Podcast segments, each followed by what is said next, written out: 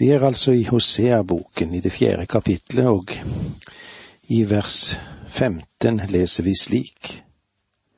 Om du driver utukt i Israel, må ikke Gud føre skyld over seg.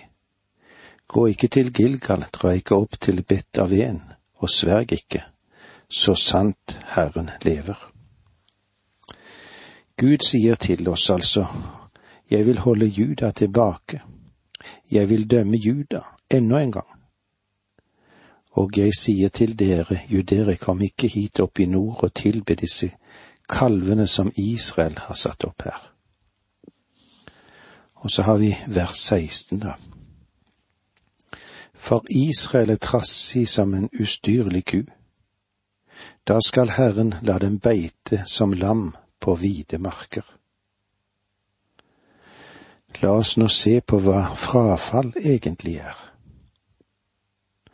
Mange mennesker tror at frafall, det er når du er blitt en kristen og er blitt aktiv i en menighetssammenheng, og så begår de samme synder som før du ble en kristen. Det er ikke frafall slik som det blir brukt her. Gud illustrerer det så du ikke skal unngå å uh, misforstå den meningen som kommer frem her. For Israel er trassig som en ustyrlig ku. Har du noen gang sett kuer som skal transporteres med lastebil fra et sted til et annet? Det settes opp en gangvei, og en haler og drar, og et annet menneske skyver for å få kua fram. Etter et skritt eller to setter kua seg trassig ned og begynner å rygge. Ja, dette kan vi karakterisere som et frafall, kanskje. Israel var trassig og sto på stive ben. I stedet for å bli ledet av Gud skjøv de fra seg og gikk bakover hele tiden. Du er i ferd med å falle ifra når du vender Gud ryggen, og med stiv nakke og stivt sinn sier, Jeg behøver da ikke Guds ord, jeg behøver da ikke lyde Guds ord. Når du nekter å gå den veien Gud ønsker å lede deg, da faller du tilbake. Gud kalte Israel for en ustyrlig ku. Ordet ustyrlig, det blir brukt tre ganger i denne boken. Det blir brukt i skriften bare ved Jeremia og Hosea, og begge talte til et folk i ferd med å bli ført i fangenskap.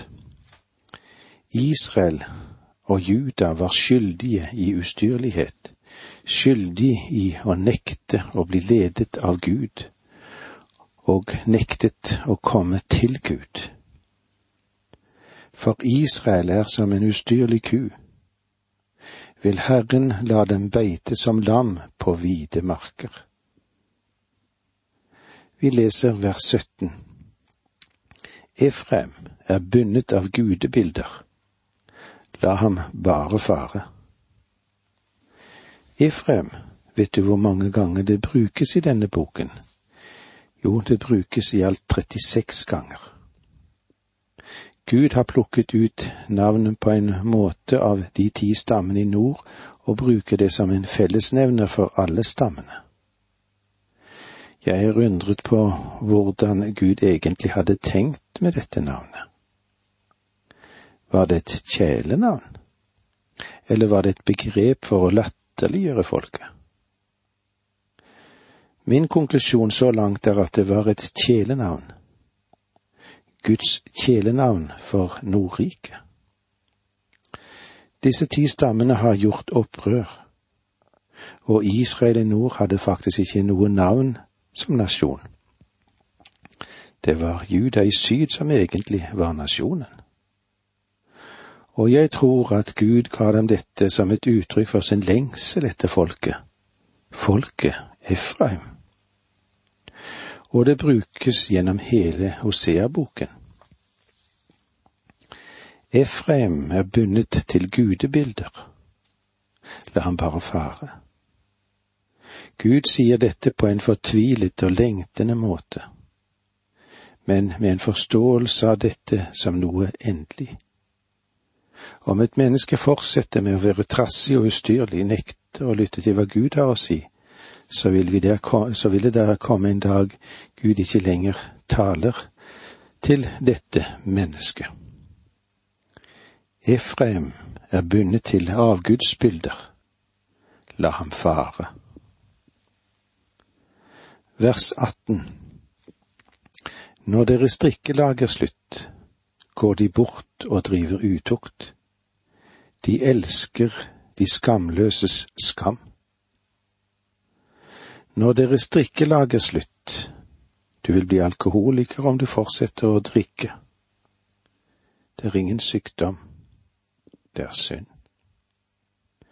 Går de bort og driver utukt, de elsker de skamløses skam. Det er trist å merke at særlig i høyere kretser i vårt eget land bruker man et språk og en omgangstone som har en negativ tendens. De elsker skam mer enn ære. Deres rus er forby. Utukt har deres skjold drevet. Høyt har de elsket det som skammelig er. Vers 19 En storm skal gripe dem med sine vinger. De skal bli til skamme med sine offer. Mennesker drives av gårde av alle slags læremessige vinder, og Gud sier at de skal bli til skamme før alt er forbi. Et stormvær griper dem med sine vinger og de skal bli til skamme med sine offer. Det var eh, det vi hadde med oss ifra kapittel fire.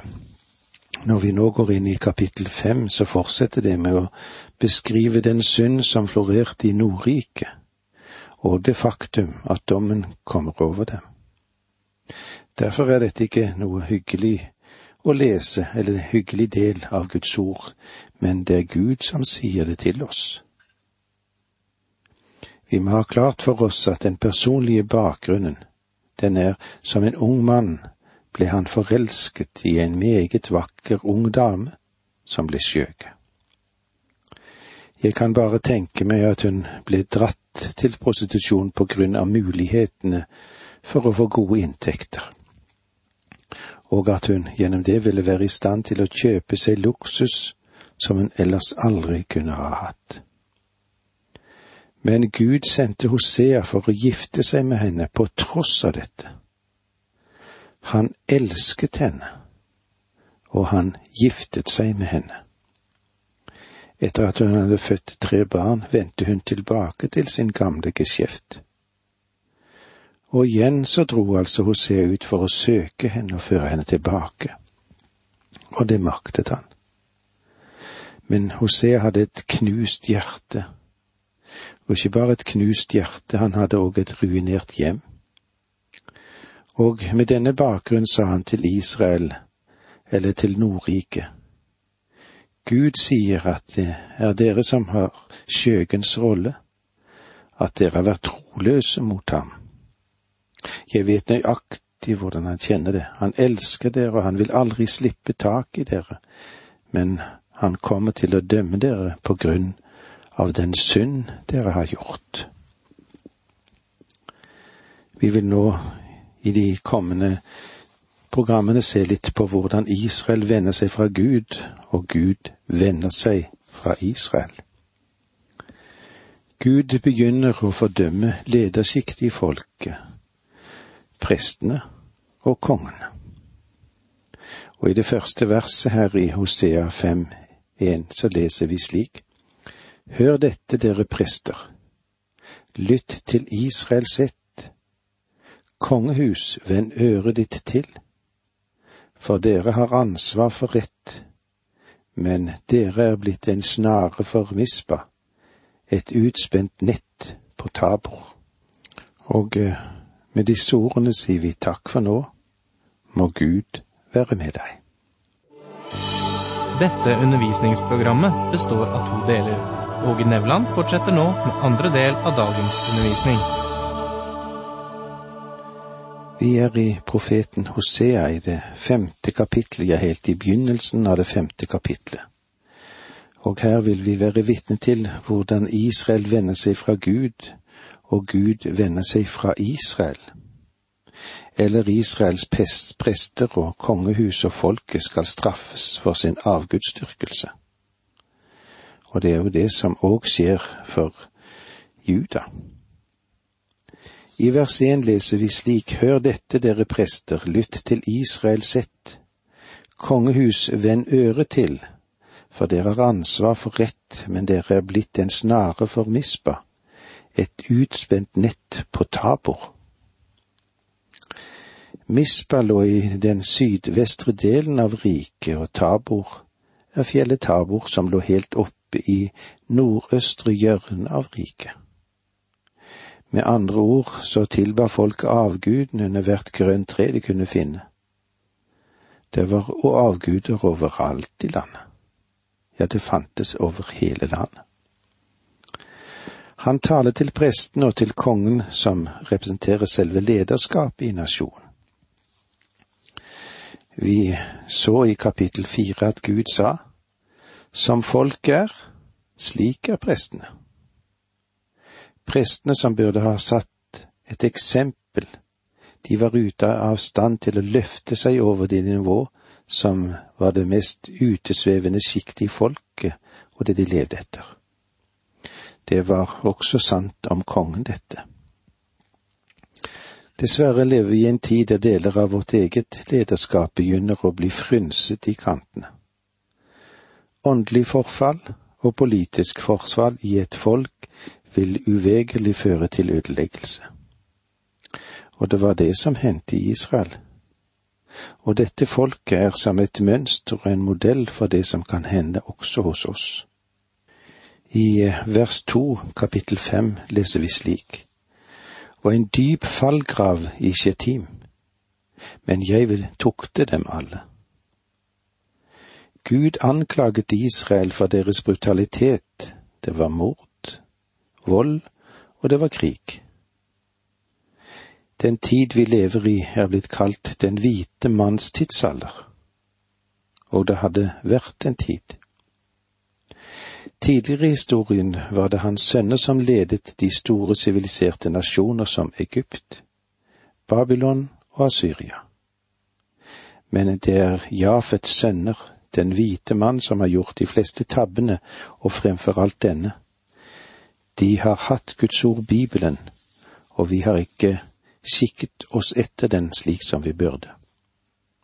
Vår evne til forvaltning har vært uhyre dårlig vi må våkne opp for, den, for det enkle faktum i dag at vi ikke kan ta Gud og skyve han utenfor sitt eget univers. Vi kan ikke forvise ham og si til ham at vi ikke trenger ham mer. Vi begynner kanskje å kjenne virkningen av at det er nettopp det vi har gjort. Kanskje Guds dom over vår vestlige verden ikke er så langt unna som vi mange ganger tror. Hør dette, dere prester, gi akt du Israels hus, og du kongehus, vend øret til, for dommen gjelder dere. For en snare har dere vært på Mispa og utspent et nett på Tabor. Deres opprørere falt dypt i synd, men jeg skal tukte dem alle.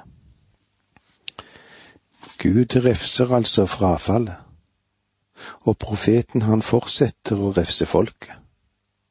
Han refser hoffet og presteskapet, for de var hovedansvarlig for det forferdelige frafallet som fortærte nasjonens hjerte. Forførelsen til avgudsdyrkelse som kunne merkes overalt. Det minnet om snaren og fellene som jegerne satte opp i de skogrike traktene i, i dette området som vi nå befinner oss i. Vi leser sammen versene tre og fire her i kapittel fem. Jeg kjenner Efraim, og Israel er ikke skjult for meg. For nå har du drevet utukt, Efraim. Israel er blitt uren. Deres gjerninger hindrer dem i å vende om til sin Gud, for de har utuktens ånd i sitt hjerte og kjenner ikke Herren. Jeg har eh, tidligere sagt at jeg tror at Efraim er et klengenavn Gud valgte for Israel.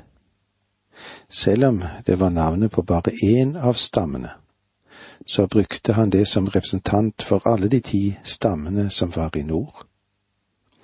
Men jeg tror at det er en annen årsak til at Gud valgte Efraim å representere hele Nordriket. Efraim var selve senteret for avgudsdyrkelse i Israel. Den eh, første gullkalven ble satt av, opp av Jeroboam i Betel. Senere ble det satt opp en gullkalv nummer to i Samaria. Begge disse stedene lå innenfor Efraims landområde.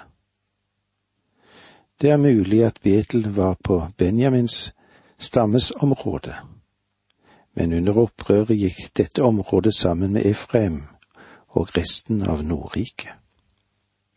Efraim var selve pulslaget for avgudsdyrkelsen, og avgudsdyrkelsen var Israels store synd. Jeg kjenner Efraim, og Israel er ikke skjult for meg. For nå har du drevet utukt i Efraim, Israel er blitt uren. Gud vet hva han taler om. Selv om tilbedelsen av kalven Baal-tilbedelsen hadde sprunget ut fra Efraims stamme, så hadde det gjennomsyret alle de ti stammene og hadde også gjort sin virkning i Sydriket.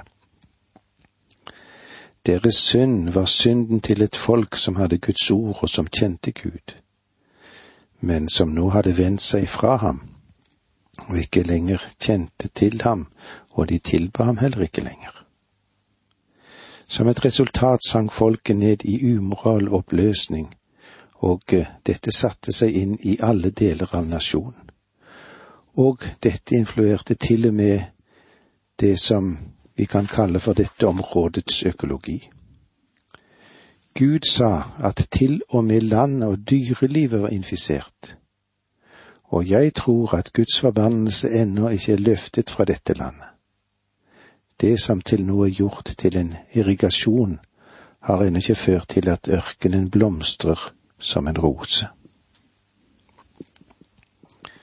Jeg kjenner Ifrem, og Israel er ikke skjult for meg, for nå har du drevet utukt, Ifrem. Israel er blitt urent. Deres gjerninger hindrer dem i å vende om til sin Gud, for de har en utuktens ånd i sitt indre, og Herren kjenner de ikke. Vi leser videre i vers fem, kapittel fem. Israels stolthet vitner mot ham selv. Israel og Efraim skal snuble i sin egen synd. Ja, også Juda skal snuble med dem. Gud sier her at alle de ti stammene vil bli erobret, og at Juda skal snuble med dem. Men han sier ikke på samme tid. Men Juda ble til sist knekket, og begge disse kongeriker ble erobret og folket ført i fangenskap. Nordrikets folkemasse ble drevet i landflyktighet til Syria, og omkring hundre år senere ble Sydriket erobret og folket ført i fangenskap til Babylon. Etter dette fangenskapet har det egentlig aldri vært en full tilbakevending til landet slik Guds ord taler om den. Hosea-boken gjør det helt klart at når Gud fører dem tilbake, da skal verden vite det, og det skal være fred i landet. Israels stolthet skal vitne mot ham, like i ansiktet. Israel og Efrem skal omkomme for sine misgjerningers skyld, og også Juda skal omkomme med dem. Vers seks da skal de komme med sitt småfe og storfe, de skal søke Herren, men ikke finne ham. Han har vendt seg bort fra dem. Med andre ord har folket forlatt Gud. Men når vanskelighetene kommer over dem etter at de har prøvd alle andre løsninger, så ønsker de å vende tilbake til Gud. Gud er deres siste tilflukt men de vil ikke kunne finne ham fordi han har dratt seg bort fra dem. For mange mennesker er det å vende seg til Gud en siste sjanse. I eh, forbindelse med Titanics forlis for mange år siden hadde levd videre og en rekke historier. En av dem er at kapteinen sendte ut en melding til alle passasjerer. Nå gjelder det å be. En kvinne om bord kom styrtende opp til kapteinen og sa, Kaptein, er situasjonen virkelig så alvorlig? Hun mente vel at hvis de skulle be, så var de kommet til siste skanse. Det er slik mange mennesker behandler Gud. For dem er han som et siste reservehjul som de har tilgjengelig, men som de håper aldri skal bli brukt. Eller han er som en livspolise eller et brannslukningsapparat. Du håper at du aldri skal få bruk for dem, men de er der i tilfelle en nødsituasjon skulle dukke opp. De skal gå med sine sauer også for å søke Herren, men ikke finne ham. Han har dratt seg bort fra dem. Og med disse ordene sier vi takk for nå, må Gud være med deg.